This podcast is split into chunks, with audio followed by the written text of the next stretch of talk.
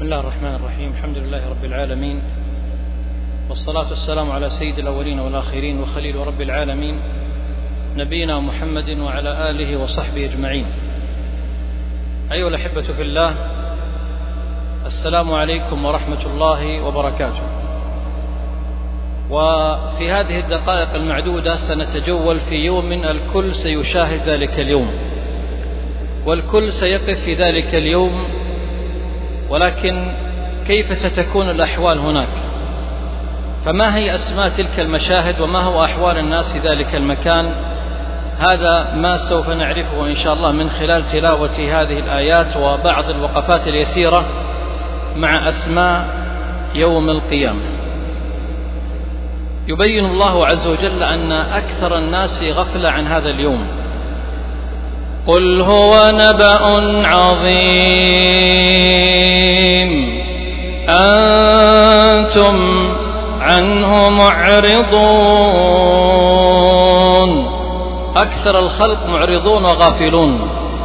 اقترب للناس حسابهم وهم في غفلة معرضون. إذا هذا حكم الله عز وجل وهو الخبير وهو العليم بأحوال الخلق سبحانه وتعالى. فأكثر الناس غفلة وفي إعراض وفي جهل عن هذا اليوم الذي سيعاصرون وسيقابلون وسوف تكون لهم أحداث في ذلك اليوم. أنا لن أتكلم عن تفاصيل ذلك اليوم إنما هي بعض أسماء يوم القيامة وبعض المعاني الموجودة في ذلك اليوم. يقول العلماء كثرة الأسماء لمسمى واحد دليل على عظمة هذا المسمى وعلو شأنه وقدره. فالله عز وجل عظيم وأسماءه كثيرة سبحانه وتعالى. يوم القيامة عظيم وأسماءه كثيرة. النبي صلى الله عليه وسلم منزلته عظيمة وأسماء النبي كثيرة. القرآن عظيم وأسماء القرآن كثيرة. من أسماء يوم القيامة.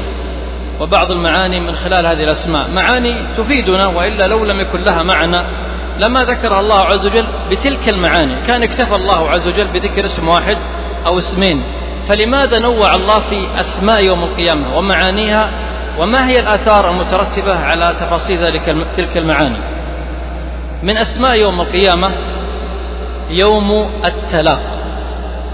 كما قال الله عز وجل في شأن يوم القيامة لينذر يوم التلاق. إذا قيل لك التلاق في اللغة العربية فلا بد أن يتلاقى شيء مع شيء أو شخص مع شخص. إذا هناك تقابل وتلاقي. التلاقي في يوم القيامة يكون بين من ومن؟ ذكر العلماء عدة معاني وعدة لطائف حول هذا المعنى. منها التلاقي بين العبد وبين الرب عز وجل. التلاقي بين الخالق والمخلوق سبحانه وتعالى. وهذا جاء في آيات كثيرة. إذا أنا وأنت. أنا وأنت وأنت. سوف نلتقي ليس مع وزير ولا مسؤول ولا ملك ولا حاكم ولا قاضي. سوف نلتقي مع مالك الملك وجبار السماوات والأرض. هل أنت وهل أنت على استعداد في ذلك اللقاء؟ يوم التلاق سوف تتقابل معه. ما هي سيرتك وما هي سريرتك التي التي ستظهر وسيظهر هناك يوم القيامة أمام من؟ أمام الله عز وجل الذي كل شيء مكشوف أمامه سبحانه وتعالى. إذا يوم التلاقي. سوف تتلاقى يا تارك الصلاة مع ربك عز وجل. سوف تتلاقى يا من يسهر على الآثام مع الذي يعلم السر وأخفى سبحانه وتعالى. استعد ليوم التلاق. من معاني يوم التلاق؟ حتى لا أطيل في كل معنى.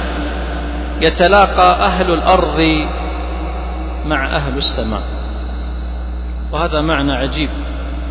الناس لم يتعودوا إلا أن يقابلوا أمثالهم. الإنسان يقابل إنسان مثله. يقابل مجموعات يقابل ناس في زحام في طريق يقابل أمثاله. أما أن تقابل مخلوقات غريبة ومخلوقات جديدة أحجامهم الله أعلم أشكالهم الله أعلم. وجاء ربك والملك صفا صفا.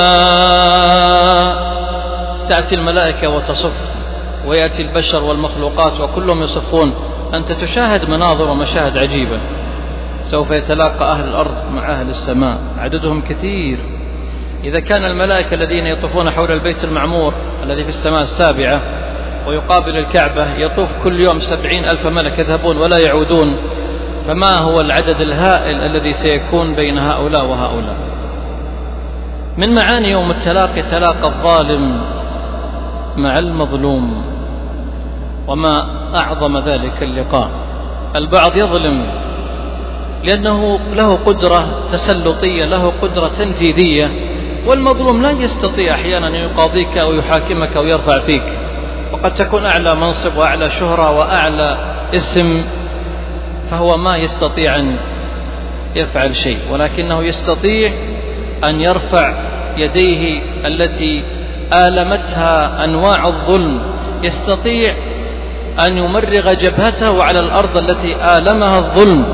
يستطيع ويملك تلك الدموع الغالية التي جرت من تلك العيون بعد استئذان ذلك القلب الذي تجرع أنواع الظلم.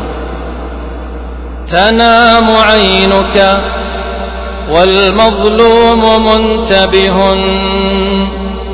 يدعو عليك وعين الله لم تنمي لا تظلم زوجتك لا تظلم أبنائك لا تظلم العمال والفقراء لا تظلم الصالحين والدعاء والعلماء سواء بكلامك فيهم سواء بمنعك شيء لهم أو بسخريتك أو بأذيتك أيا كانت الأذية لأنك سوف تتقابل معهم. يوم التلاقي. ما شعور الظالم إذا وقف المظلوم أمامه ويبدأ يشتكي أمام من؟ أمام قاضي من قضاة الدنيا؟ أمام حاكم من حكام الدنيا لا. أمام الذي لا يظلم عنده أحد سبحانه وتعالى. فهناك مجلس القضاء الكبير. يأتي المظلوم بمظلوميته وأوراقه وأموره ولا يحتاج. الكل مكشوف. الأمور مرتفعة من قبل أصلا. الله يعلم من هو الظالم ومن المظلوم. ثم تأتي الصاعقة. ألا لعنة الله على الظالمين؟ لقد لعن الله كل ظالم أيا كان ظلما. فلا تدخل في جملة من لعنهم الله وتبرأ وتخلص اليوم قبل أن تتعب هناك. من أسماء أو معاني يوم التلاقى يتلاقى المرء مع عمله. أنت اليوم عملت أعمال ولا لا؟ هذه الأعمال ذهبت. وين راحت؟ سجلت في كتاب أعمالك. فأنت الذي يعمل وأنت الذي يؤلف ويوم القيامة أنت القارئ. وكل إنسان ألزمناه طائره في عنقه. يعني عمله. ونخرج له.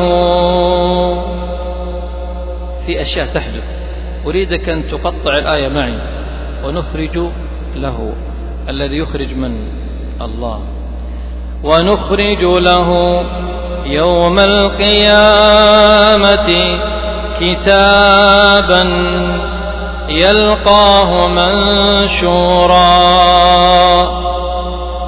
فإذا انكشف الكتاب أمامك المقطع الثاني والمشهد الثاني اقرأ كتابك كفى بنفسك اليوم عليك حسيبا.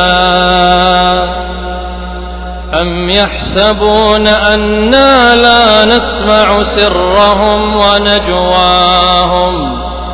بلى ورسلنا لديهم يكتبون. وترى كل أمة جاثية. الكل يجثو على الركب. كل أمة تدعى إلى كتابها.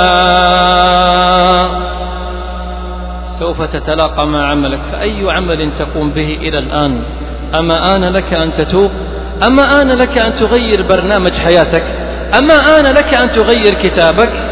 أما آن لك أن تمحي سيئاتك بيدك؟ امسح سيئاتك يا أخي. إن الحسنات يذهبن السيئات. تستطيع الآن أن تزيل السيئات بتوبة صادقة.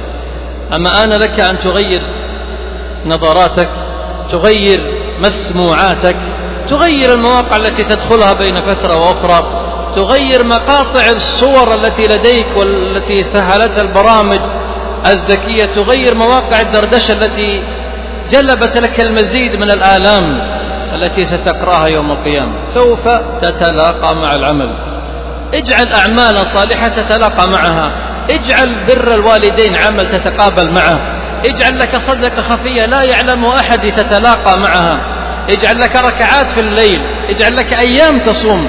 اجعل لك أجزاء من القرآن اجعل لك برامج دعوية وكتب قرائية وعلمية حتى تقرأ يوم القيامة.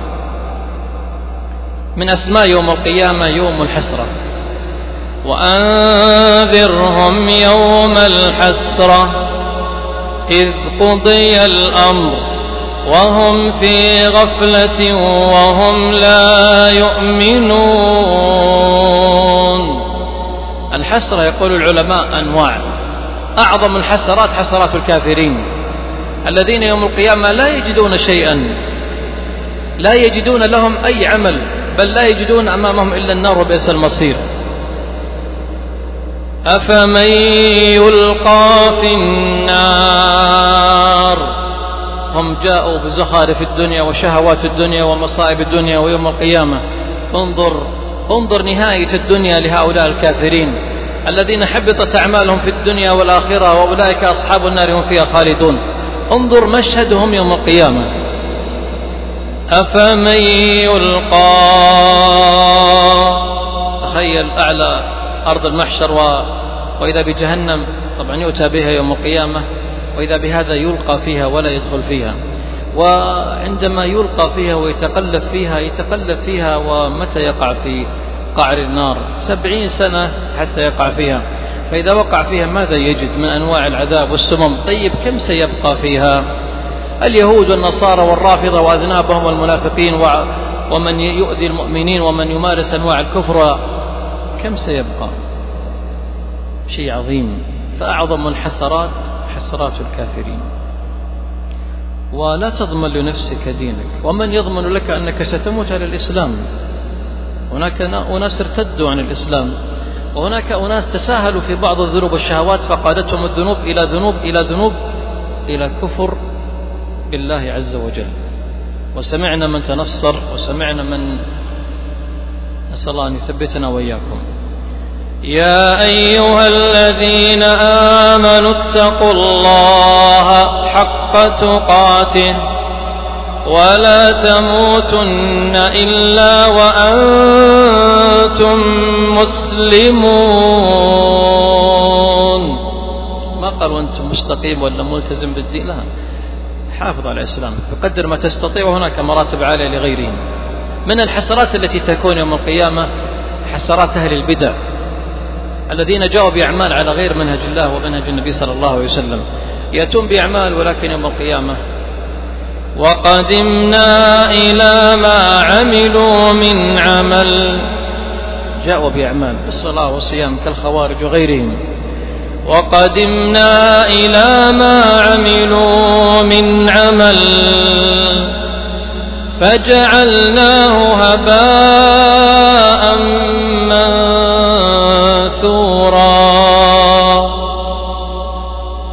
ذهب التعب وذهب الأجر. إذا سر على منهج النبي صلى الله عليه وسلم. نحن نعبد الله على شرع الله. نعبد الله بطريقة محمد رسول الله صلى الله عليه وسلم. نحن نقتدي ولا نبتدي. نتبع رجل واحد. ليس لنا غيره صلى الله عليه وسلم. العلماء الدعاة الملوك الوزراء وغيرهم كل هؤلاء. إن وافقت أقوالهم كلماتهم رسول الله صلى الله عليه وسلم قبلناها للموافقة ليس لذواتهم. إن خالفت رددناها والعبرة بنور الاتباع فالدين اتباع وليس ابتداع. من معاني الحسرات يوم القيامة؟ الحسرات لأصحاب الأعمال الصالحة يتحسرون أنهم ما زادوا بالحسنات. يعني يتحسر الإنسان الذي كان مثلا يمر عليه اليوم واليومين ما قرأ جزء أو جزئين. يتحسر الإنسان اللي كان عنده والدين ما تفنن في أنواع البر به مثلا. يتحسر الذي كان يصوم أنه ما كان يصوم أكثر الذي كان يقرأ ما كان يقرأ أكثر وهكذا من أنواع الحسرات. المجلس الواحد الذي لا تذكر الله فيه يقول صلى الله عليه وسلم ما جلس قوم مجلسا لم يذكروا الله فيه ولم يصلوا على النبي صلى الله عليه وسلم إلا كان عليهم حسرة يوم القيامة. مجلس واحد فكيف بعمر عمر كبير فيه الغفلة والبعد عن الله عز وجل. من الحسرات حسرات العاصين. والمذنبين. أن تقول نفس يا حسرة على ما فرطت في جنب الله. يا حسرة على ليال يا حسرة على نظرات يا حسرة على كلمات على جلسات يا حسرة على سفريات يا حسرة على مواقع دخلتها. يا حسرة على كلمات تكلمت بها. الآن نريدك أن تغير الحسرات. نريدك يوم القيامة أن تصيح أمام العالمين وتقول هاؤم اقرءوا كتابيه ما في رياء يوم القيامة. أن تواثق أن كتابك ملي بالحسنات لأنك عرفت قيمة الحياة الدنيا وأنها زائلة وعرفت قيمة الحياة الأبدية أنها باقية. فعملت للباقي وتركت الفاني الفاني وتقول ها أم اقرأوا كتابي. إني ظننت أني ملاق حسابي.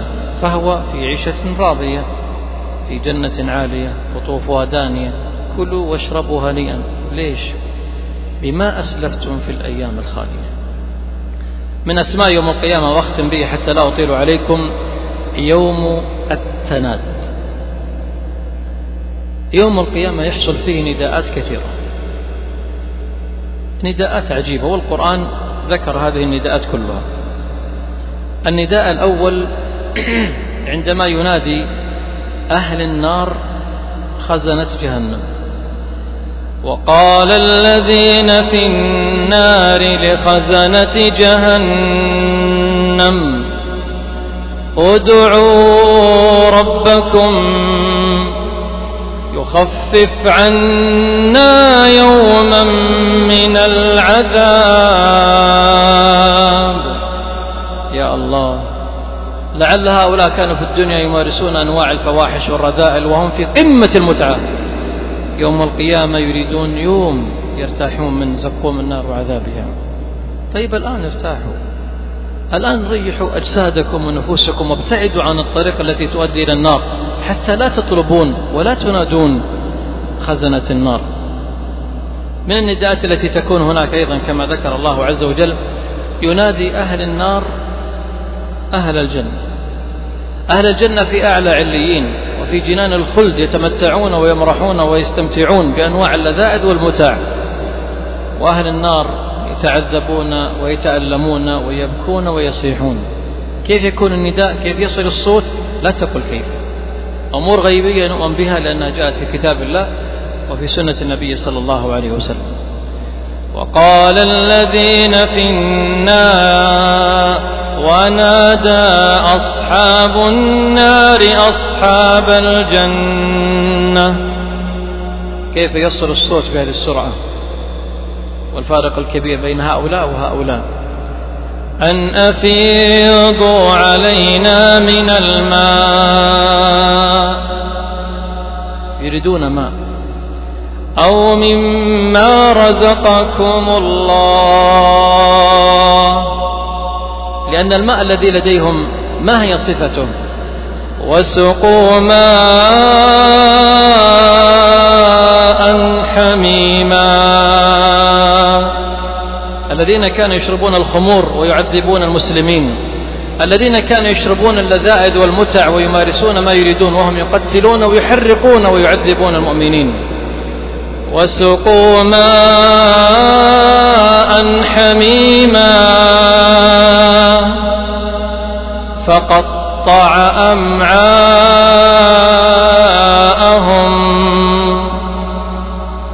أصلا قبل أن يشربون ماذا يحصل لوجهه؟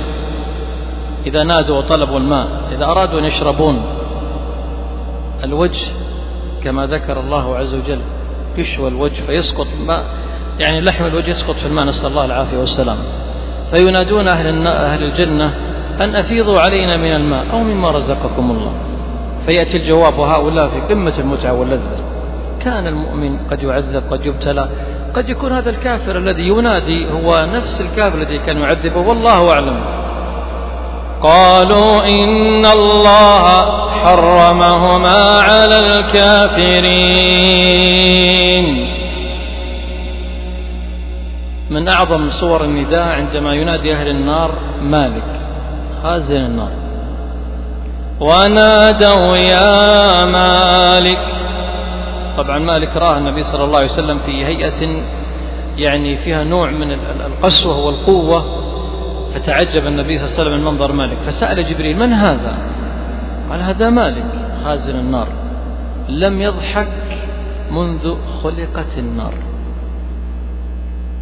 فأهل النار ما وجدوا جواب عند خزنة جهنم وما وجدوا جواب عند أهل الجنة فلعل خازن والمسؤول عن النار مالك لعله أن يجيب لعله أن يتلطف معهم. ونادوا يا مالك ليقض علينا ربك. لاحظ هنا لا يريدون ماء ولا يريدون تخفيف يوم يريدون الموت. الموت أرحم لهم. ليقض علينا ربك. وهنا مالك يعرف من هم هؤلاء ويعرف ما هي طبيعة النار ولماذا خلق الله النار وهل سيبقون أو يخرجون. قال إنكم ماكثون. تخيل عندما يسمعون هذه الكلمة من مالك خازن جهنم وهم في قمة العذاب. والعذاب يزيد ولا ينقص عليهم. قال إنكم ماكثون. وكأن مالك خازن النار يريد أن يعطيهم السبب. لماذا أنتم ماكثون ولماذا تبقون هنا؟ لقد جئناكم بالحق ولكن أكثركم للحق كارهون. كرهتم الحق والرسل والدعوات والكلمات والتوجيهات فلم تستجيبوا فأنتم ماكثون. آخر نداء لم يجدوا جوابا أيضا عند مالك فيتجهون إلى نداء رب العالمين عز وجل. تنادون ربكم الذي أشركتم به تنادون ربكم الذي كفرتم به الذي آذيتم عباده وأولياءه آذيتم الأطفال والنساء المؤمنين. الذين آمنوا بالله ربا فكانت العقوبة أن تحرقونهم وتؤذونهم كما نرى ونشاهد. فالآن أنتم تطلبون من هذا الإله فيتجهون إلى نداء الرب عز وجل. فيكون الجواب من الله عز وجل لهم. قال اخسأوا فيها ولا تكلمون. ربنا أخرجنا منها. فإن عدنا فإنا ظالمون. قال اخسأوا فيها. ولا تكلمون. هنا يقول العلماء تقفل جهنم عليهم. زدناهم سعيرا. نسأل الله أن يختم لنا ولكم بالصالحات والخيرات. القرآن مليء بالمواعظ والأحبة ولا أريد أن أتحدث بأكثر من ذلك. القرآن سماه الله موعظة وسماه هداية وشفاء. وهذا اليوم مهما تكلم عنه الإنسان فالكلام عنه أكثر وأكثر. ولكن يجب أن يكون إيماننا بهذا اليوم مغير لحياتنا مغير لسلوكنا. إيماني باليوم الآخر وما فيه من أمور وكما سمعنا يغير قلبي فلا يمتلئ إلا بحب الله ولا يمتلئ بحب الشهوات لا بالنساء ولا بالصور. يغير ليلي ونهاري فليلي يكون فيه الصلاة والعبادة. وما أجمل الليل إذا كانت فيه الركعات الجميلة والعظيمة. وهي من أعظم أسباب وقاية عذاب الله عز وجل كما قال العلماء. الصيام في نهارك. بعض الأيام لا نقول كل يوم اثنين وخميس أيام البيض. ما يكتب الله لك من صام يوما في سبيل الله باعد الله بينه وبين النار سبعين خريفا. إيمانك باليوم الآخر يجعل حياتك تتغير برنامجك يتغير. بيتك إذا فيه منكرات سوف تضرك هذه يوم القيامة. بيتك إذا فيه بعض المخالفات يجب أن تطهرها الآن قبل أن لا تستطيع فستموت وقد تبقى فيها ويستمر ديوان السيئات عليك. اللهم اجعلنا يوم القيامة من الآمنين الفائزين برضوانك وجنانك رب العالمين. وصلى الله وسلم وبارك على نبينا محمد.